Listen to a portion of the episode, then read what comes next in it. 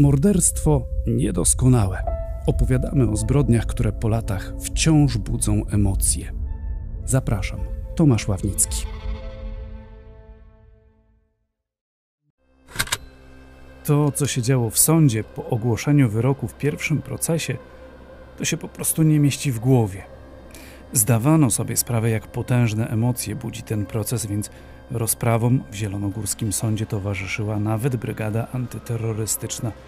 Publiczność, niezadowolona z orzeczenia, w końcu chodziło o potrójne morderstwo, próbowała wręcz dokonać linczu. Oskarżonych ochraniali policjanci, więc to im się dostało, ale w budynku sądu kwasem solnym została poparzona nawet także siostra zamordowanego. Zbrodnia bez wątpienia miała tło rabunkowe, bo było co rabować. Oj, było. To również dlatego, także i dziś, po tak wielu latach, emocje wokół tego morderstwa są tak duże. Co dokładnie zniknęło z miejsca zbrodni? Tego ze stuprocentową pewnością nie wie nikt, bo interesy, jakie prowadził zamordowany, były mocno owiane tajemnicą. Może nie na 100%, ale powiedzmy na 95%. Jednym ze skradzionych przedmiotów było jajo Faberże. Co ciekawe, jakby na potwierdzenie, takie właśnie jajo 10 miesięcy po morderstwie w Polsce trafiło na aukcję w Nowym Jorku. Dom aukcyjny przyznawał, że nie bardzo wiadomo, w jaki sposób cenne jajo znalazło się na zachodzie, nie ujawniono z jakiej to prywatnej kolekcji jajo pochodziło, ani też kto został szczęśliwym nabywcą. Jawna była jedynie cena 3 miliony 190 tysięcy dolarów. Przemawia do wyobraźni, prawda? Pieniądze w tej historii odegrały rolę niebagatelną. To także dzięki nim, wiele na to wskazuje, część sprawców dość długo mogła liczyć na bezkarność, a wyjaśnianie tej zbrodni szło tak opornie, mimo że sprawa trafiła do magazynu kryminalnego 997. Nowa Sól w województwie zielonogórskim. Tu na osiedlu domków jednorodzinnych przy ulicy Narudowicza 4 od kilku lat mieszka 36-letni Waldemar Huczko, dla bliskich lalek. Mieszkają tu także jego konkubina, 19-letnia Anna Warzycha i syn, 18-letni Waldemar Huczko. Wieczorem pan Huczko i pani Warzycha znaleźli się w domu.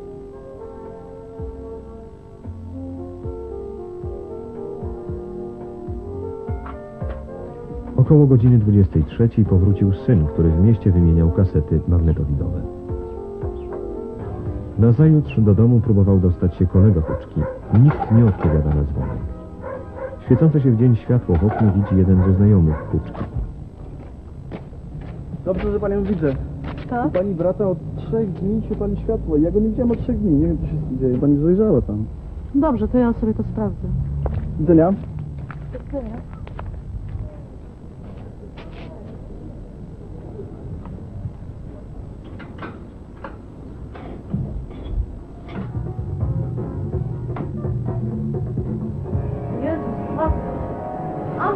Siostra Huczki znajduje w mieszkaniu trzy trupy. Później ustalono, że zabójstwo poprzedzone było walką wręcz z napastnikami.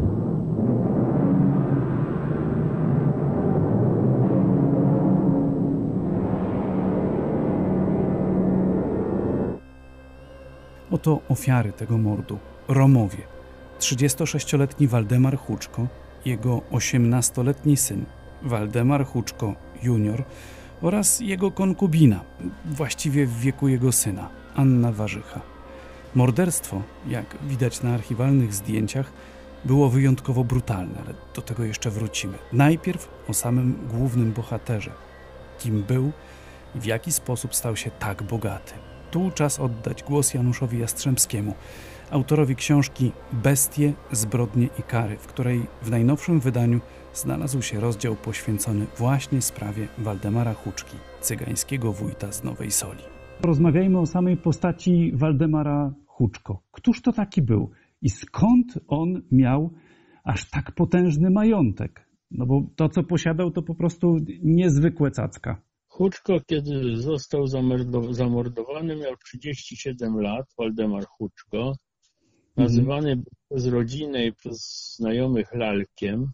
On był romskim wójtem w Nowej Soli, stąd majątek On handlował antykami, przede wszystkim meblami, a także walutą. Miał bardzo szerokie kontakty handlowe w Polsce, za granicą. Znany był antykwariuszom i zbieraczom staroci. Był także stałym bywalcem targów kolekcjonerskich w Polsce, tak w Warszawie, Gdańsku, Szczecinie, Poznaniu, we Wrocławiu. Wszyscy wiedzieli, że jest bardzo bogaty, że obraca dużymi pieniędzmi. Ponadto on grał namiętnie w karty o duże stawki. No, mając takie pieniądze, mógł sobie pozwolić. W jego domu bardzo często bywali ludzie załatwiający z nim różne interesy, ale to nie znaczy wcale, że każdy mógł się łatwo do tej willi dostać, bo była, posesja była ogrodzona, yy, okna domu okratowane, a w nocy tej posesji pilnowały bardzo ostre psy i to reagujące tylko na polecenia wydawane w języku romskim. On był bardzo nieufny. Nawet bliski mi opowiadał o prowadzonych transakcjach, które zawsze realizował z kontrahentem w cztery oczy. Mieszkał z 20-letnią konkubiną Anną i 18-letnim synem Waldemara. No i tak też było najpewniej tuż przed samą śmiercią, że Huczko spotkał się z kimś w interesach, ale nikt za bardzo nie wiedział z kim i w jakiej sprawie. Feralnego dnia widziano, że z jakimiś ludźmi Lalek jechał do Zielonej Góry i wrócił do Nowej Soli wieczorem. No i samo wejście morderców do domu romskiego wójta. Nie było żadnych śladów włamania. Najpewniej wyglądało to więc tak, że Huczko sam wpuścił morderców do środka, którzy najprawdopodobniej przyszli pod pozorem jakiegoś interesu.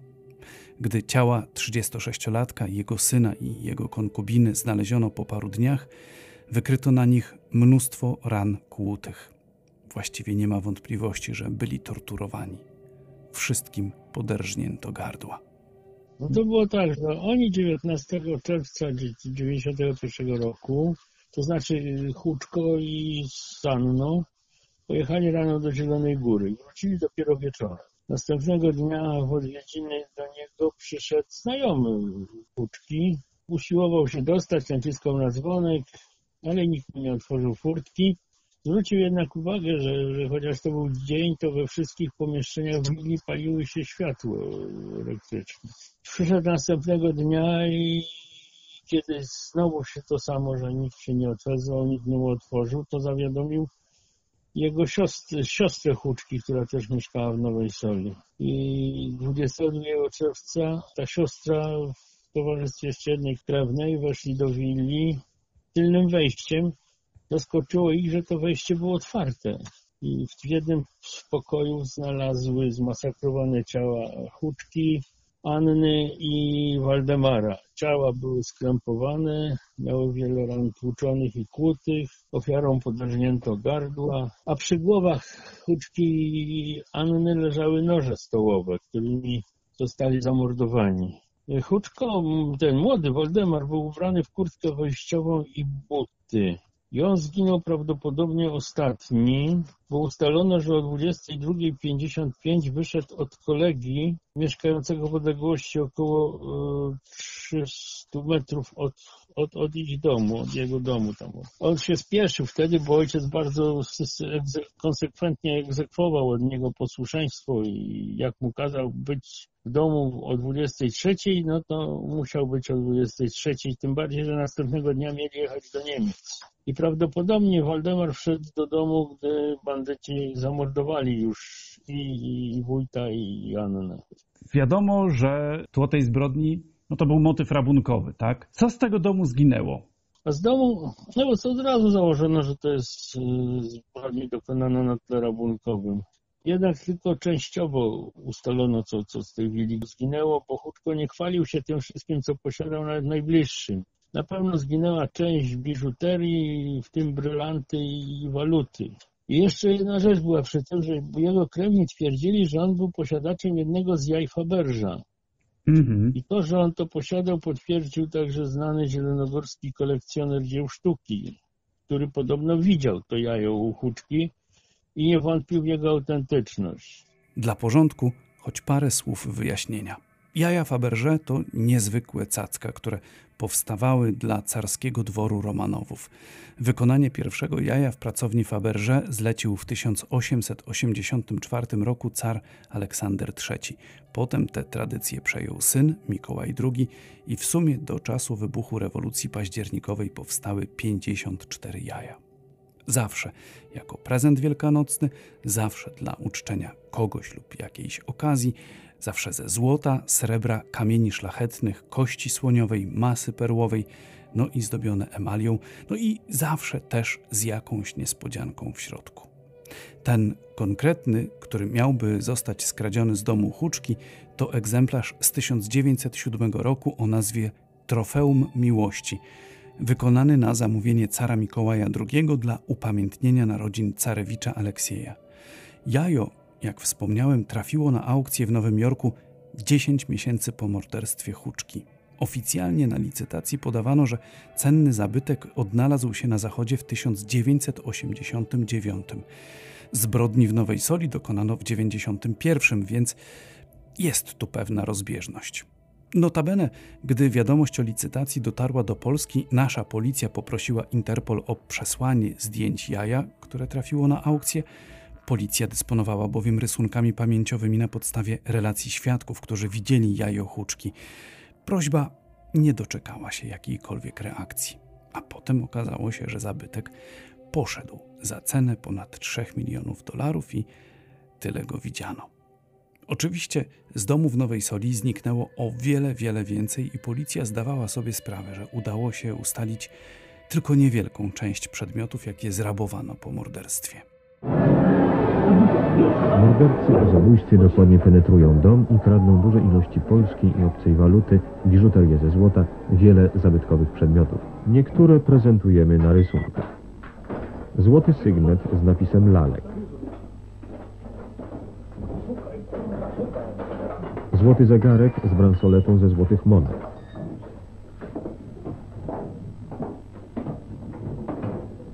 Złoty medalion ze złotych monet.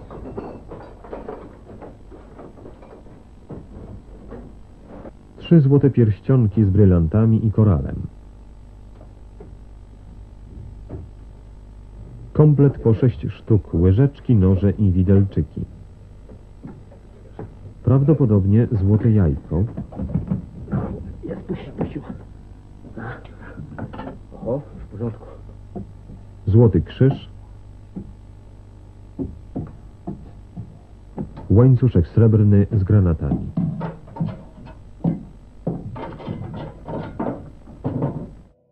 Policja i prokuratura w Nowej Soli ustaliły, że to miejscowy Rom wskazał willę Huczków pięciu przyjezdnym.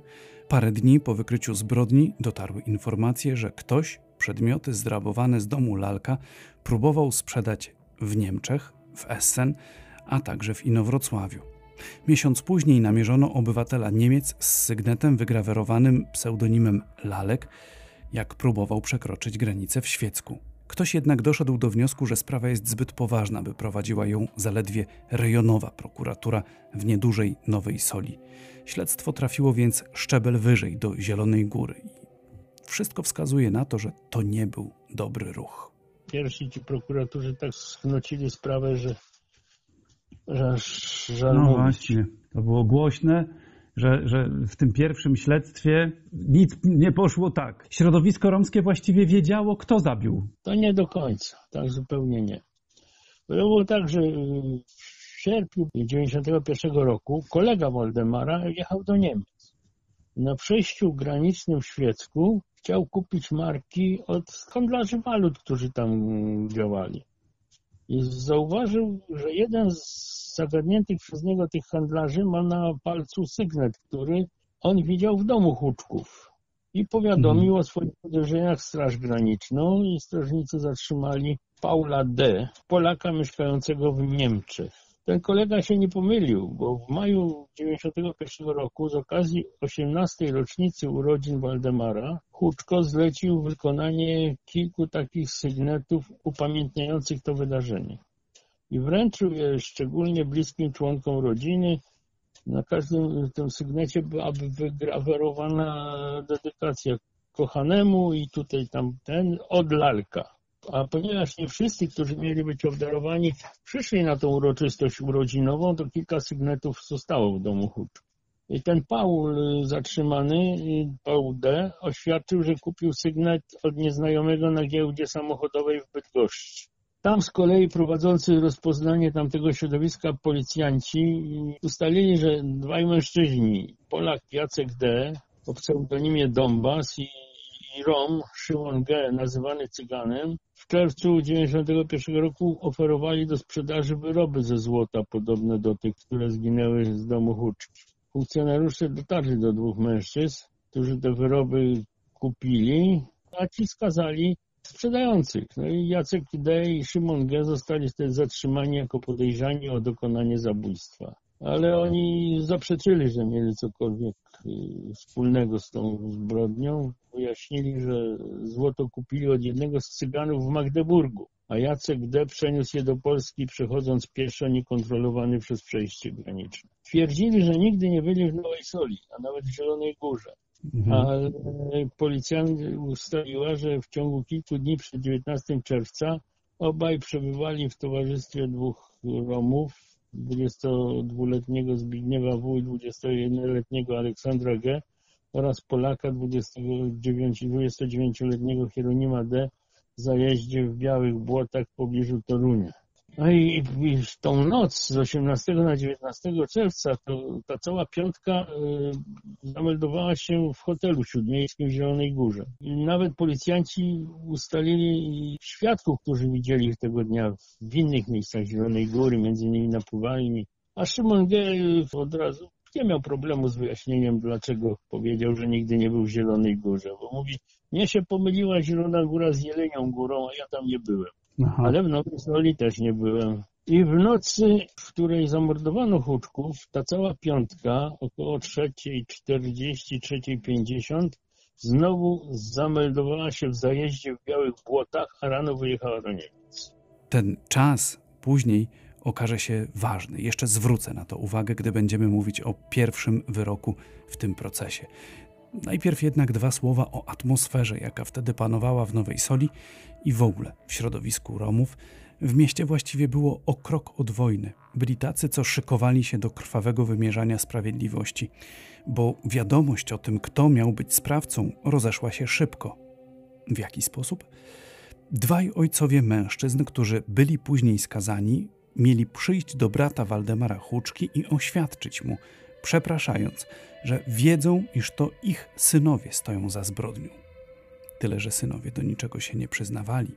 A jak już doszło do procesu, to i ojcowie okazało się, że nie pamiętali, aby mówili coś, iż to ich synowie są mordercami. Atmosfera była taka, że kilkanaście rodzin romskich ze strachu wyjechało z Nowej Soli, bojąc się krwawych porachunków. Cygańskie prawo jest bowiem jednoznaczne i surowe. Śmierć za śmierć. A potem działy się dziwne rzeczy. Między innymi jeden z podejrzanych wyszedł na wolność. Wyszło na jaw, że oskarżeni mogli się ze sobą kontaktować i ustalać zeznania, a w prokuraturze sprawa morderstwa Huczki, jego syna i konkubiny przechodziła z rąk do rąk. Tymczasem dowody wydawały się być całkiem mocne.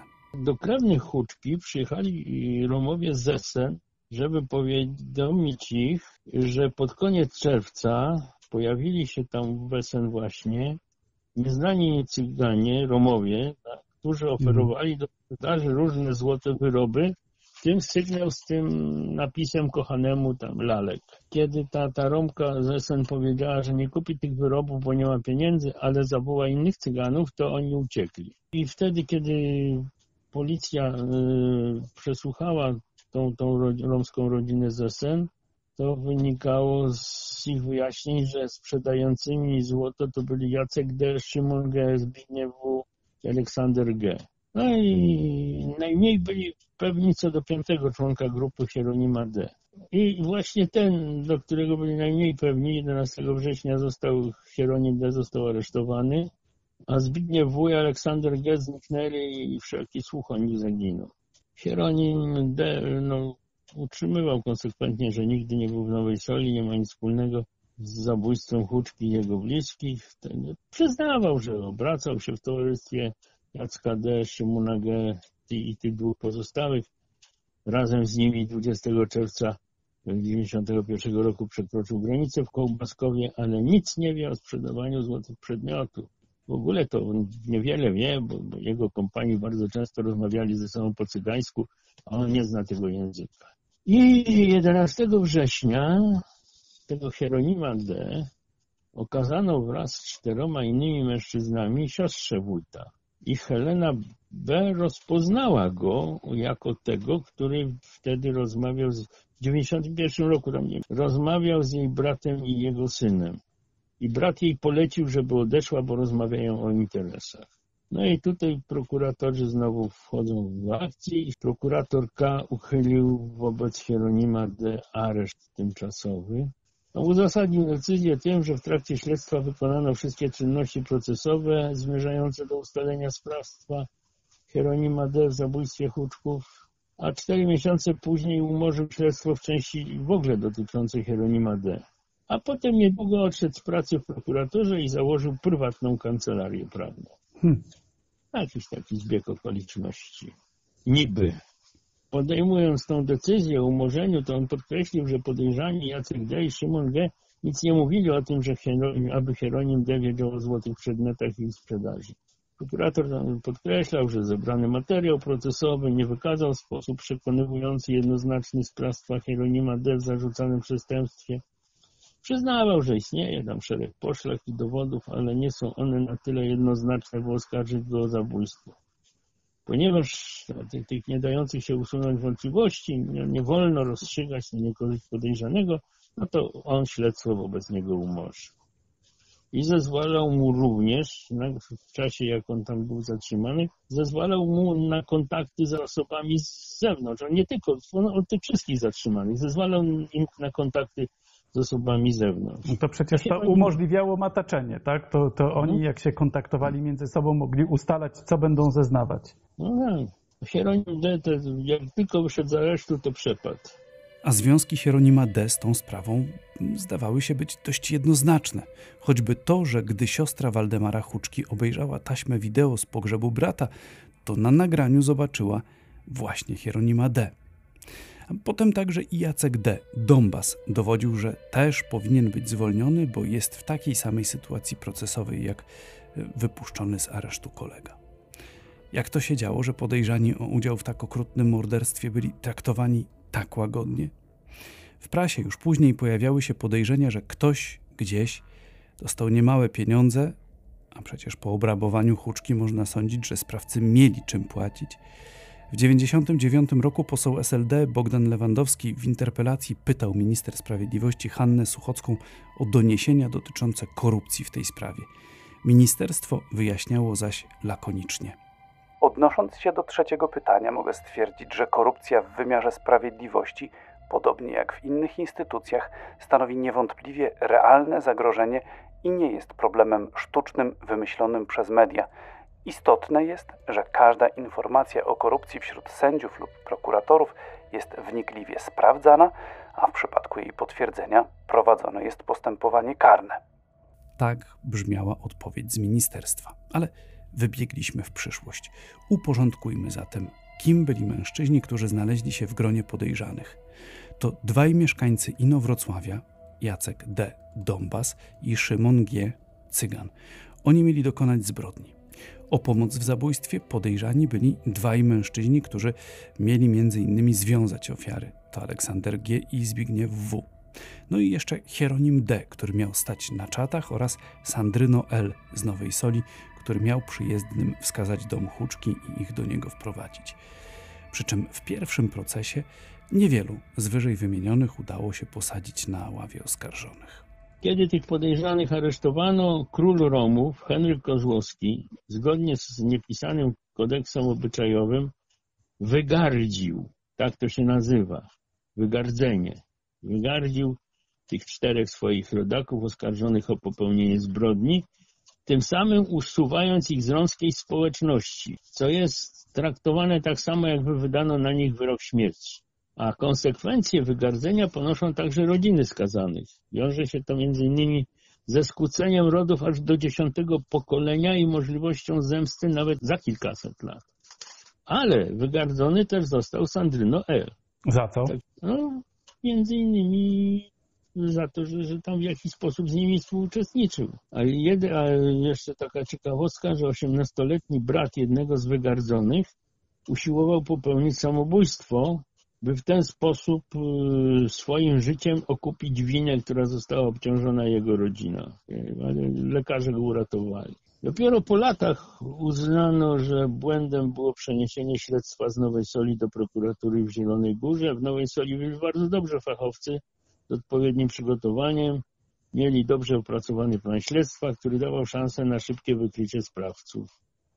A ponadto miejscowi prokuratorzy i policjanci mieli przecież ze zrozumiałych względów mieli bardzo dobre rozpoznanie środowiska romskiego w Nowej Soli. To było kluczowe, tak? To było kluczowe w tej sprawie. 30 września 1992 roku prokurator skierował do sądu akt oskarżenia. Na ławie oskarżonych zasiedli tylko Jacek D., Szymon G., bowiem do tej pory nie zdołano odnaleźć i zatrzymać Hieronima D. oraz pozostałych Romów podejrzanych o współudział zbrodni, to znaczy Aleksandra G. i Zbigniewa W. Rozesłano za nimi list gończy. A jeszcze stanęli dodatkowo oprócz nich to Adam B., Andrzej B. i Marian M., którym zarzucono paserstwo. I to takie ciekawe było, zastanawiające podejście sądu do sprawy pasera Mariana M. Na początku rozprawy sąd postanowił rozpatrzeć ją osobno i wyłączył do odrębnego postępowania, a Marian M. wyszedł na wolność i zniknął. W sądzie dopiero w 2000 roku wpisano jego wyłączone akta do rejestru i sprawę przekazano do Inowrocławia, a tamtejszy sąd musiał sprawę umorzyć, bo uległa przedawnieniu. Yy, Na rozprawę też nie przybył, mimo wielokrotnych wezwań, Sandryno L., który miał być świadkiem. Ustalono, że tuż przed procesem znalazł się w szpitalu dla psychicznie i nerwowo chorych w Świeciu.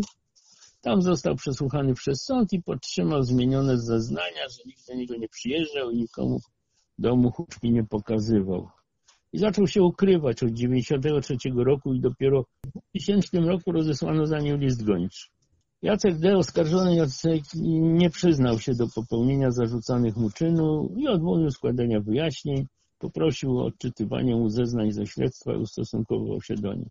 Powtarzał, że nie zna Huczków, nie był w Nowej Soli. Precjoza otrzymał od Cyganów w Niemczech i przeniósł się do Polski.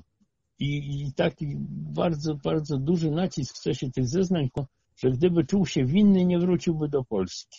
A o tej zbrodni w Nowej Soli to on się dowiedział z telewizyjnego programu 997. W 997 ta sprawa gościła zresztą nie raz.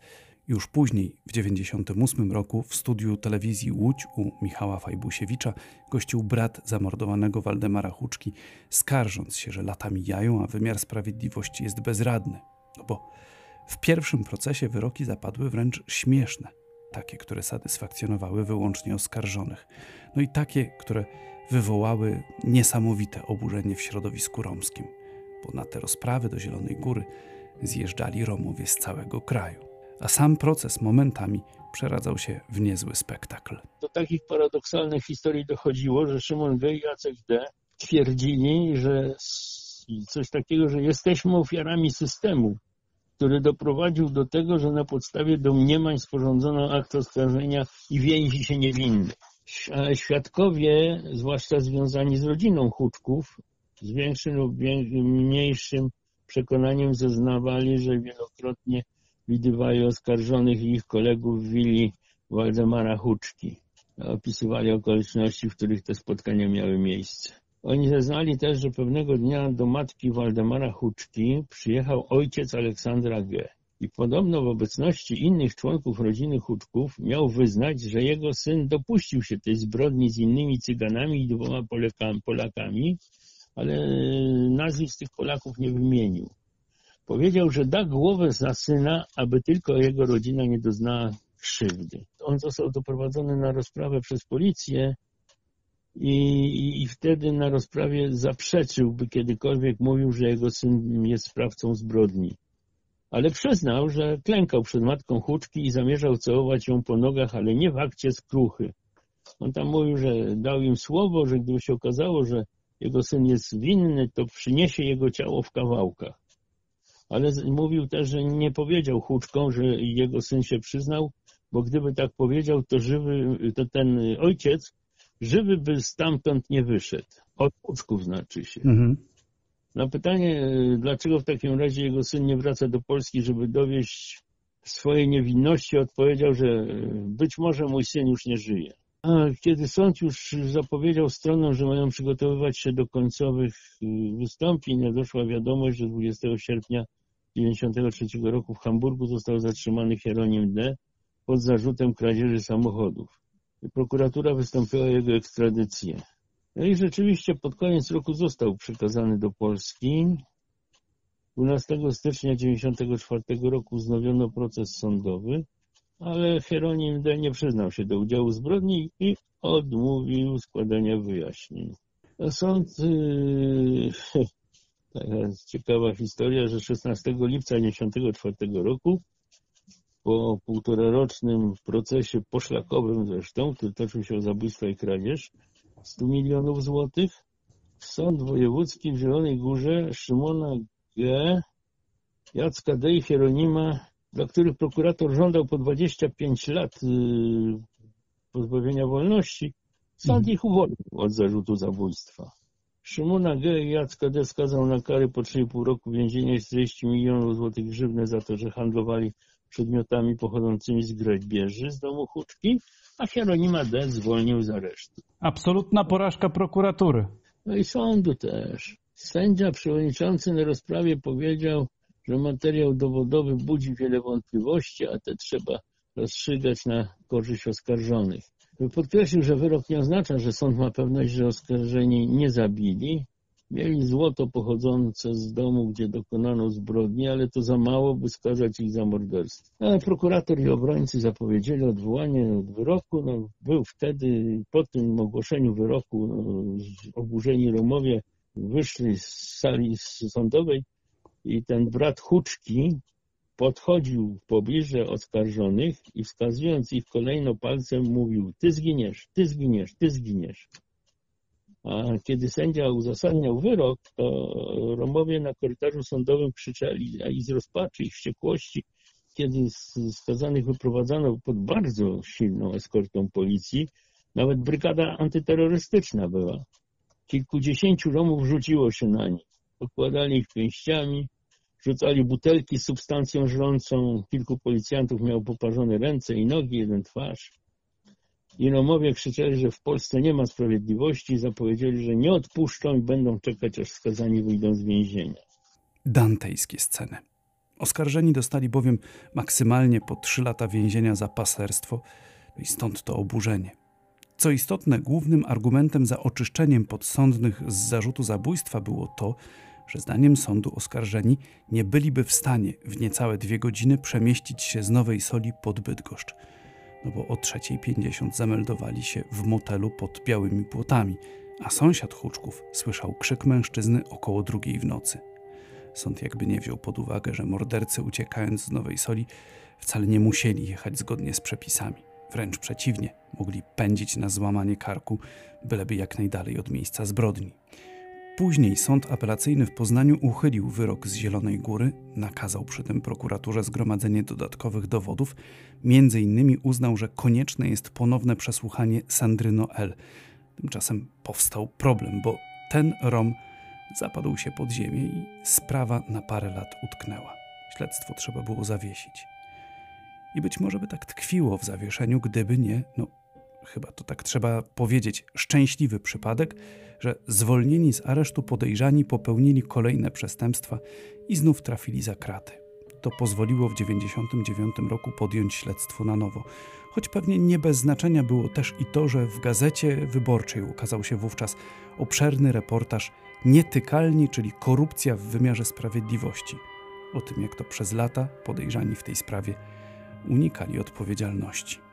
We wznowionym śledztwie innymi udowodniono, że łamiąc przepisy oskarżeni byliby w stanie pokonać trasę Nowa Sól Białe Błota w czasie, jaki sądowi pierwszej instancji wydawał się nierealny. Do tego zastosowano instytucję świadka incognito. To mężczyzna, któremu Jacek D. miał się przechwalać, jak mordował Huczków. No i przeprowadzono badania DNA, co wcześniej było niemożliwe. A teraz, owszem, i to okazały się bardzo ważne dowody. Dopiero w listopadzie 1999 roku zawieszone śledztwo zostało podjęte i dopiero po jakimś czasie Sandryno L. postawiono zarzut współdziałania w zbrodni i rozesłano za nim list gończy. A ponieważ w poprzednim postępowaniu zniszczono włosy zabezpieczone na miejscu zbrodni, prokurator zadecydował o ekshumacji ofiar i ponownym pobraniu materiału biologicznego, a oskarżonych poddano badaniom DNA gdy zaczęto prowadzić sprawę o, o, zabójstwo, to badania DNA były w Polsce w powijakach, a prokuratura nie zdecydowała się na przeprowadzenie ich za granicą ze względu na bardzo wysokie koszty. Teraz już yy, policja dysponowała nowoczesnym sprzętem i skorzystano z metody, to się chyba nazywa mitochondrialne DNA, bardzo specjalistyczne badanie kodu, ale wyniki badań dały niepodważalne dowody popełnienia przez nich zbrodni. I w kwietniu 2005 roku sąd uznał czterech sprawców za winnych potrójnego morderstwa. Jacek D. i Szymon G. zostali skazani na karę 25 lat pozbawienia wolności, a Aleksander G. i Zbigniew W. na 15 lat. Do tego Hieronim D. za współudział w napadzie na Huczków, a potem za sprzedaż skradzionych rzeczy dostał 6 lat więzienia, a ściągnięty po latach ukrywania się w Wielkiej Brytanii Sandryno L. za to, że wprowadził morderców do domu ofiary, został skazany na 5 lat pozbawienia wolności.